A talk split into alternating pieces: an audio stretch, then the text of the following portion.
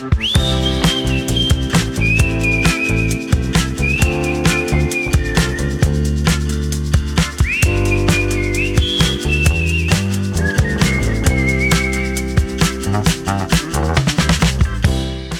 dia, Sílvia.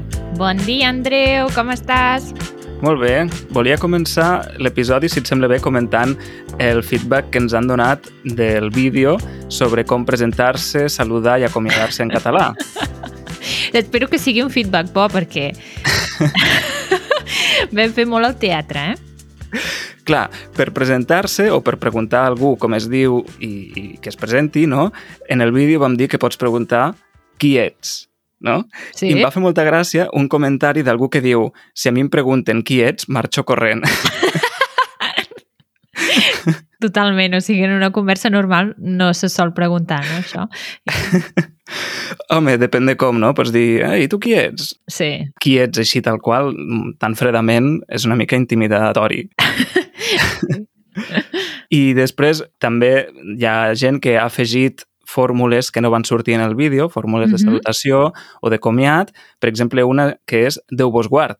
Ma, sí, el Déu vos guard ho vam fer en el primer episodi. En aquell Sí. primer vídeo que vam fer sí que ho vam dir, Déu vos guard. I també hi va Mhm. haver comentaris que ens deien però per què dieu aquesta si ja no la diu ningú? Vull dir, però existeix i Sí. ningú, mentida, segur que hi ha gent Mentida. que la diu, el que passa que no és Mm. com la forma més habitual, Mm. no?, avui dia. el meu pare sempre la fa servir. Ah, sí? Mira, doncs això demostra que és una forma viva. Mm. Perfecte. I una altra forma que van posar és siau, que és la Siau. forma abreujada d'adeu-siau, no? Mm -hmm. Sí, mira, amb aquesta no hi vam pensar quan vam fer el guió i tot. Que a més a més també és força viva perquè El Berti ho fa servir molt. el Verdi i el Marc de Català al Natural sempre Ah, s'acomiada dient també. siau. Mm -hmm. Sí. Mm -hmm. Doncs això, um, si voleu descobrir més fórmules de salutació, comiat i tot això, podeu llegir la resta de comentaris del vídeo. És l'episodi Super Easy Catalan número 16. Tema del dia. Molt bé. En aquest episodi hi ha un membre de l'equip, no?, Qui serà? Qui serà? que l'hem convidat avui perquè som a final de mes i toca entrevista. I avui hem convidat la Sònia. Ué, Hola, Sònia. Hola, Com estàs? Molt bé, molt bé, estic molt bé, molt contenta i molt il·lusionada d'estar participant del podcast. Ja era hora que vinguessis aquí, perquè, clar, t'hem vist en diferents vídeos, però encara no t'has presentat com toque, no? Encara no m'he presentat, sí, sí, exacte. Crec que a la xarxa social sí que em van fer fer un vídeo, no? Una petita solució. Sí, és veritat. Però Sí. el podcast encara no havia estrenat, eh? Ja tocava, ja tocava. Molt bé, doncs, vinga, Sònia, qui ets? D'on ets? On vius?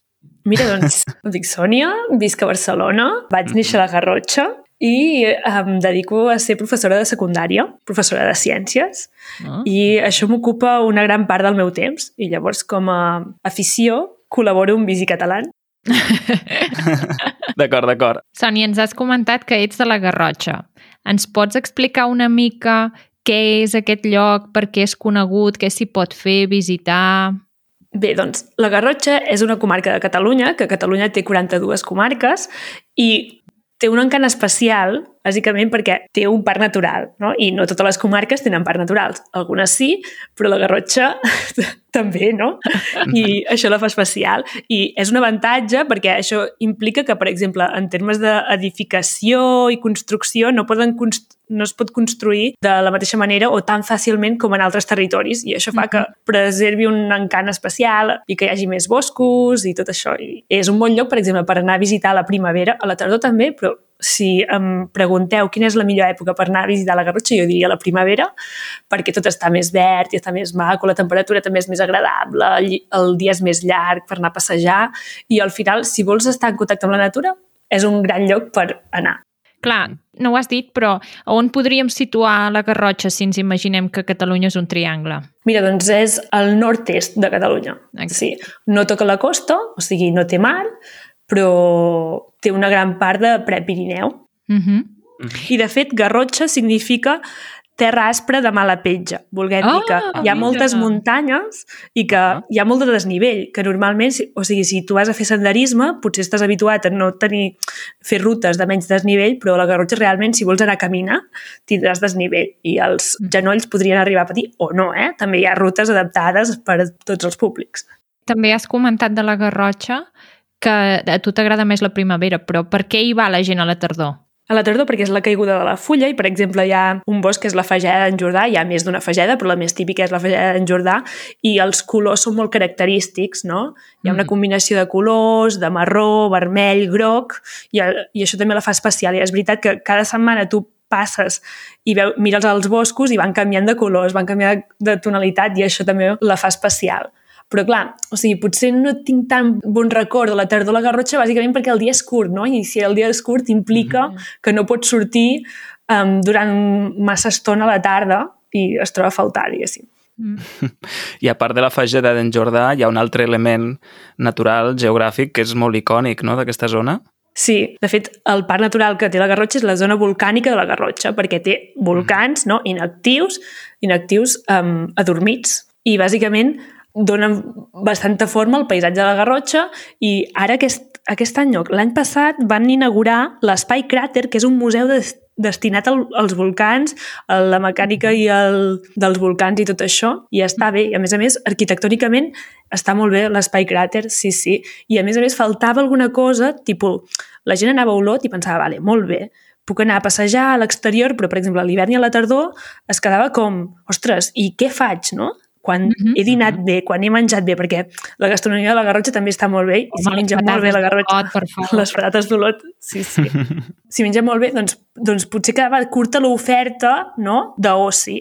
I ara, per exemple, entre el Museu dels Sants, que s'està dinamitzant molt a Olot, i, i fan tallers i així, el teatre, que també hi ha diferents espais teatrals i grups teatrals, i l'espai cràter, doncs està agafant vidilla. I també la zona de la Garrotxa hi ha moltes fires, tant el sismògraf, um, com la Fira Orígens, hi ha diferents ofertes culturals pensades pel cap de setmana per, mira, si fas una sortida a la Garrotxa, a part de fer la típica excursió doncs que, i, i el típic dinar de restaurant menjant bé, doncs que puguis fer una altra cosa i fan festivals així de música, de dansa i de gastronomia. Doncs vinga, Carai. tothom a visitar la Garrotxa, eh? Tothom a visitar la Garrotxa. Escolta, jo, jo m'hi mudo ja, vull anar a viure. Jo t'entenc, jo t'entenc, Andreu.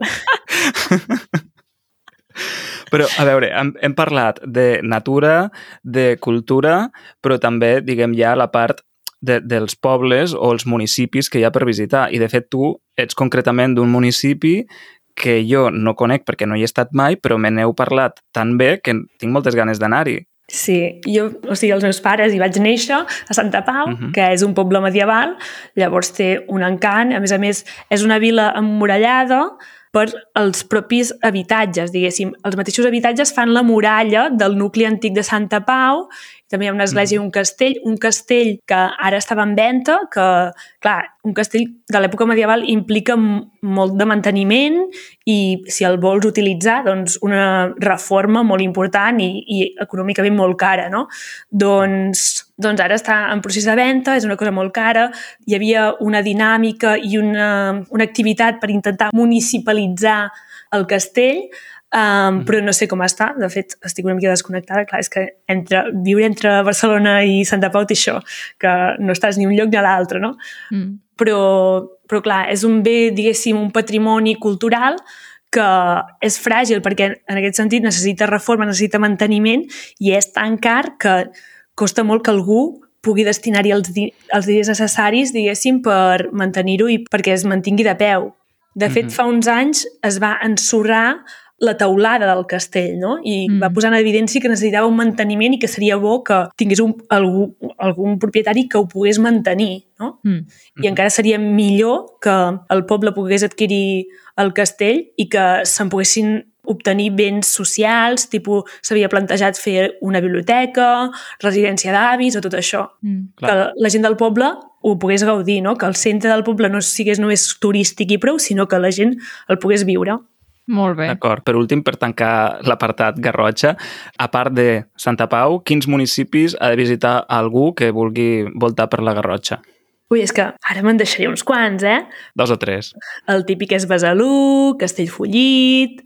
Per exemple, és molt típic anar per les corrandes de a Montagut. A Montagut fan un torneig de corrandes, que és de Mm. glosa, que això és Uau. impressionant. O sigui, quan veus els glosaires allà a l'escenari improvisant sobre temes i cantant i tot això, és, és molt bonic. Mhm. Sí, sí. I la Molt Vall d'en Bas, la Vall d'en Bas també està molt bé, que té bicicarril i té moltes rutes.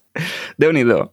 La següent pregunta és com és que una biòloga forma part d'Easy Catalan? O sigui, d'on va sortir l'interès per la llengua i com vas entrar a l'equip? Doncs mira, jo us seguia Easy Catalan, us seguia a vosaltres, bàsicament, Mhm. um, per Instagram, no? I anava seguint els posts i tot això, i de cop vaig veure que buscàveu a gent. I jo ja feia temps que estava com motivada per promoure el català. I aquesta motivació va venir perquè em van destinar a un institut de secundària de Badalona en què no es parlava gaire català. O sigui, sabeu el que diuen del 25%? Doncs en l'institut molts professors parlaven castellà amb els alumnes bàsicament perquè era la, la llengua dels alumnes, no?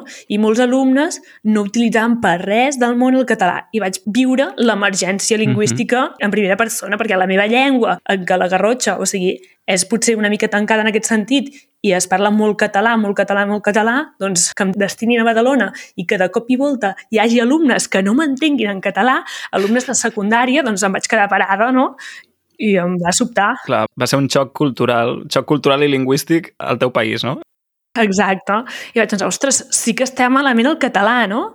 I, i havia, i ho anava parlant amb la gent i em deien, però què dius? Tampoc és tan exagerat, no? La gent sí que sap parlar català. I, i després penses, doncs no, hi ha moltes regions a Catalunya que el català no s'utilitza i, i em va saber molt de greu, no? I vaig pensar, ostres, doncs has de fer alguna cosa i almenys que si hi ha persones, que hi ha moltes persones que tenen ganes d'aprendre el català, doncs oferir els teus recursos, el teu temps, perquè el puguin practicar. I vaig Mhm. començar amb el voluntariat per la llengua, vaig tenir una parella lingüística durant la pandèmia i Mhm. després em vaig involucrar en Visi Catalan, on col·laboro setmanalment fent una xerrada de Discord. I molt més, i molt I més. molt més, clar. Què més fas? Alguns vídeos, no? Participo en alguns vídeos d'entrevistes, així pel carrer, i... No, però, però, Sònia, o sigui, explica, si plau la teva virtut d'aquests vídeos d'entrevistes. És que t'estàs deixant Clar, clar. la, la mare del xai. Doncs clar, una de les coses que més fàcil, potser comunicar-me o expressar-me de forma fluida no seria la meva principal virtut, però el que sí que se'm dona bé és anar a preguntar a la gent a veure si vol col·laborar i a veure si el podem entrevistar. I això no em fa gaire vergonya, especialment perquè a mi a Barcelona una de les coses que valoro de Barcelona és que ets anònim total, o sigui, ningú et coneix. I això, per exemple, Mhm. fer-ho al meu poble, doncs potser em- em faria més vergonya, però fer-ho en lloc on no coneix ningú, preguntar a veure si volen col·laborar, si ens coneixen, si volen respondre unes preguntes per als vídeos, doncs m'encanta. I això és el que faig. I és fantàstic. A veure, això ho vam comentar un dia, no? que, clar, òbviament, doncs, té a veure amb les habilitats socials que cadascú té, però jo penso que també hi pot tenir a veure la teva feina com a professora i el fet que estiguis en contacte diàriament amb tanta gent, no? Això també fa que tinguis com més facilitat per aproximar-te a les persones i parlar-hi, no? Vull dir, per contrast a una feina com la meva, per exemple, en què mm, com a traductor doncs, treballes amb la pantalla de l'ordinador, amb textos, doncs això, la teva capacitat social, diguem, se'n ressenteix, no? Al final... Penso, aquesta és la meva opinió. Clar, de la mateixa manera que potser una persona molt llegida, com sou vosaltres, que us dediqueu a, a la llengua i tot això, doncs potser a nivell de vocabulari no? i d'expressió aneu superbé, però a nivell d'interacció interacció social, doncs a mi um, no em fa gens, no em tallo gens havent de preguntar a la gent a veure si volen contestar unes preguntes. Molt Això bé, sí. Sònia. Així m'agrada. Doncs, Sònia, tornant a les converses de Discord que fas setmanalment, avui t'hem preparat una petita sorpresa i Ah, és sí? que alguns dels assistents habituals a les teves xerrades, a les teves converses, t'han volgut enviar un missatge. Carai, quina il·lusió! Si et sembla bé, escoltem-lo. Hola, Sonia. És el Christian, el teu corresponsal al sud de Califòrnia. Eh, avui estic al litoral assolellat de la meva ciutat natal, Laguna Beach. Al fons s'escolta el so de les onades trencant i els crits de les cabines. només eh, volia donar-te les gràcies per ser sempre acollidora i encoratjadora a les xerrades. Sempre m'he sentit benvingut. I amb tots els altres compromisos que tens, agraeixo i tots agraïm el temps i l'energia que dediques a tots nosaltres, els aprenents. Bé, això és tot. Fins ara. Ei, Sònia, espero que estiguis superbé. Soc el Kevin, el noi de, de Costa Rica, i volia agrair-te per tot allò que, que fas a les xerrades i a les trobades. He après i gaudit moltíssim aquest temps. Doncs, a més, aprofito per convidar els oients a gaudir d'aquest benefici tan bo on podreu practicar el català i, a més a més, conèixer gent tan interessant com la Sònia i tot l'equip d'Easy Català.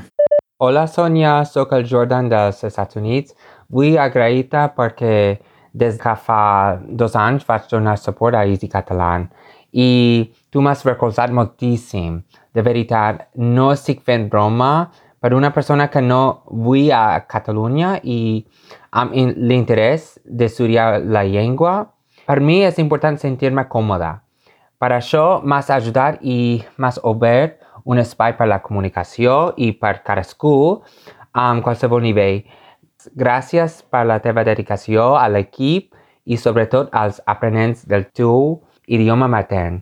Adeu! Hola, Sonia. És la primera vegada a la podcast, no, Sonia? Uh, espero que amb Andreu i la Sílvia són simpàtic a tu i l'entrevista no és dur, però interessant, eh? També. Um, gràcies per totes les xerrades Sí, moltes gràcies per tu i uh, tot l'equip de Catalan. Adeu.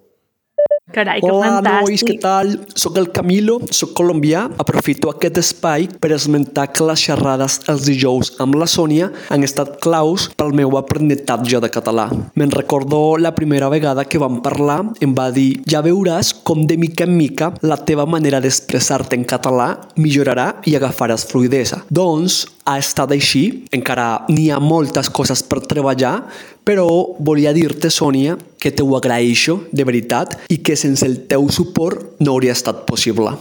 D'altra banda, dir-vos als oients que aquesta eina que ofereix Easy Català de les trobades és molt encertada i si el que voleu és guanyar confiança en parlar, aquesta oportunitat és la més idònia. Fins aviat, nois. Adeu. Carai, m'he quedat Bravo! parada, tu. Bravo, eh? Que preciosos, aquests alumnes, mare meva. Aquests alumnes. bueno, aquests alumnes no. Aquests, no sé com dir-ho. Sònia, per favor. Pots estar ben Oi. contenta? Puc estar ben contenta. És que és molt agradable eh, parlar amb ells, també. M'ho passo molt bé. I si de vegades he tingut un dia a la feina i em connecto amb ells i ells m'expliquen una historieta que els hagi passat o comentem alguna jugada, um, Veus? em posa de, de super bon humor. Sí, sí. Moltes gràcies, eh, nois? Moltes gràcies. Aquí una, una ganyota que us faig.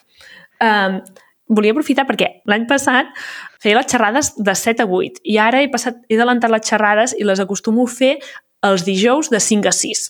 Uh -huh. D'acord. Uh -huh. De 5 a 6 de la tarda. Per tant, el dijous de 5 a 6 és una hora i normalment de què parleu o com organitzes tu aquestes xerrades? I doncs de vegades um, els hi plantejo alguna pregunta i després debatem sobre aquesta Mhm. pregunta. Per exemple, quan s'acosta Nadal parlem dels regals, que saps què regalaràs als teus pares? No. De vegades parlem de temes més transcendentals, de que si contaminació, si del preu de l'habitatge, de vegades què ens agradaria aprendre si tinguéssim més temps, comentem notícies, per exemple, que si la cançó de Shakira, que si ha passat a- aquesta novetat aquesta setmana o aquesta altra, i tot això. Mhm. I a partir d'aquí ens expliquem anècdotes, ens expliquem el dia, què farem aquest cap de setmana, què, què ens ha passat de bo la setmana, què ens ha passat de, de dolent, a vegades també ens expliquem les penes i les desgràcies, que, que també és divertit, que quan les comentes passa a ser divertit, i projectes de futur, i tot això. Bravo. Sònia, eh? Ja veus que t'estimen tots. Oh, estic molt contenta, eh? Ara ja me n'anirem al cap ben alt, eh? Sortir del. Prou Aquí pots. ben cofoia. Sí, sí. Hi ha alguna anècdota que vulguis compartir d'algun alguna xerrada en què, per exemple, hagis après alguna cosa nova o, no sé, hàgiu rigut molt sobre algun tema?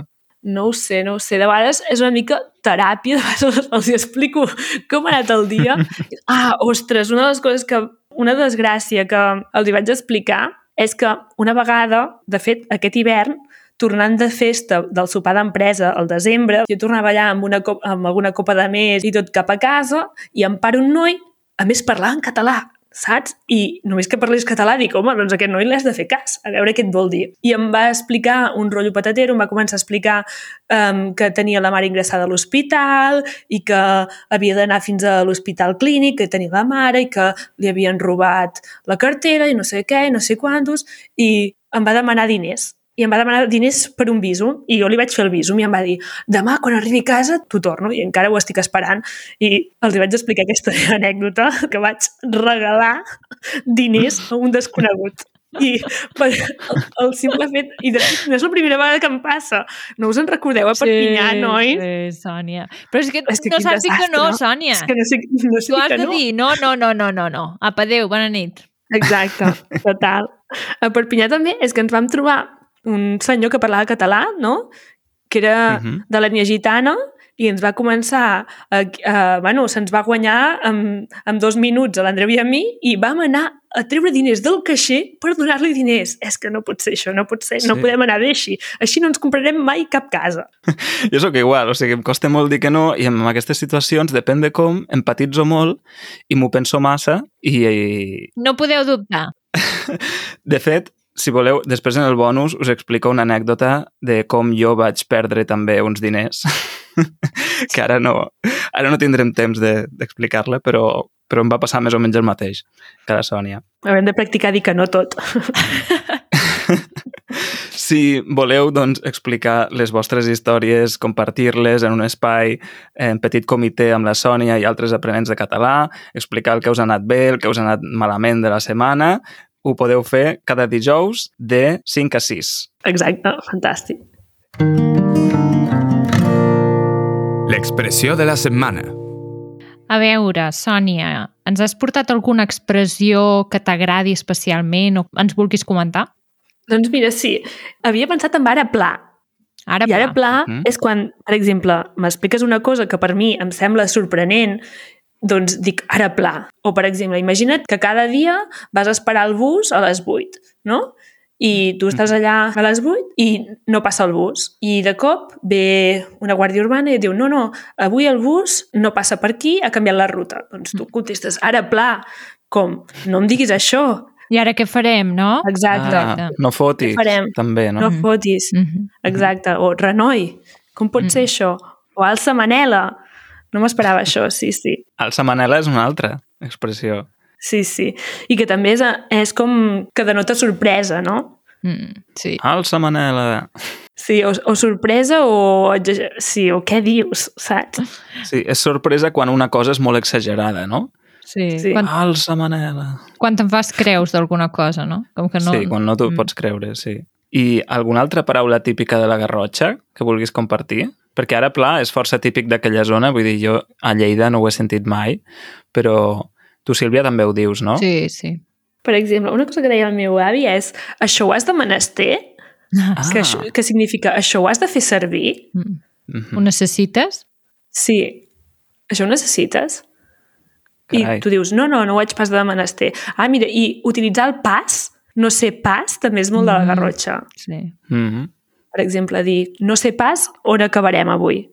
Mm. O no sé pas on ens portarà aquest bus. El pas és molt bonic, és una de les meves paraules preferides.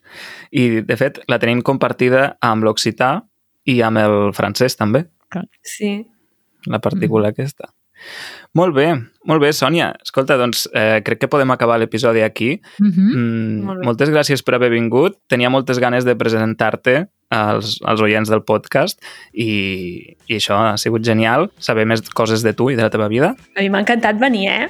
Amb vosaltres és una bona companyia, o sigui, tothom que vulgui participar al podcast, que sàpiga que serà molt ben tractat. Sempre és un plaer sentir-te, Sònia. O sigui, que torna quan vulguis. Gràcies, gràcies. Per últim, acabarem recordant que agraïm el suport del Departament d'Empresa i Treball de la Generalitat i de totes aquestes persones com el Camilo, el Jordan, el Kevin, el James, etc que doncs, ens donen suport, són membres de la comunitat i participen i fan ús de tots els avantatges que posem a la vostra disposició.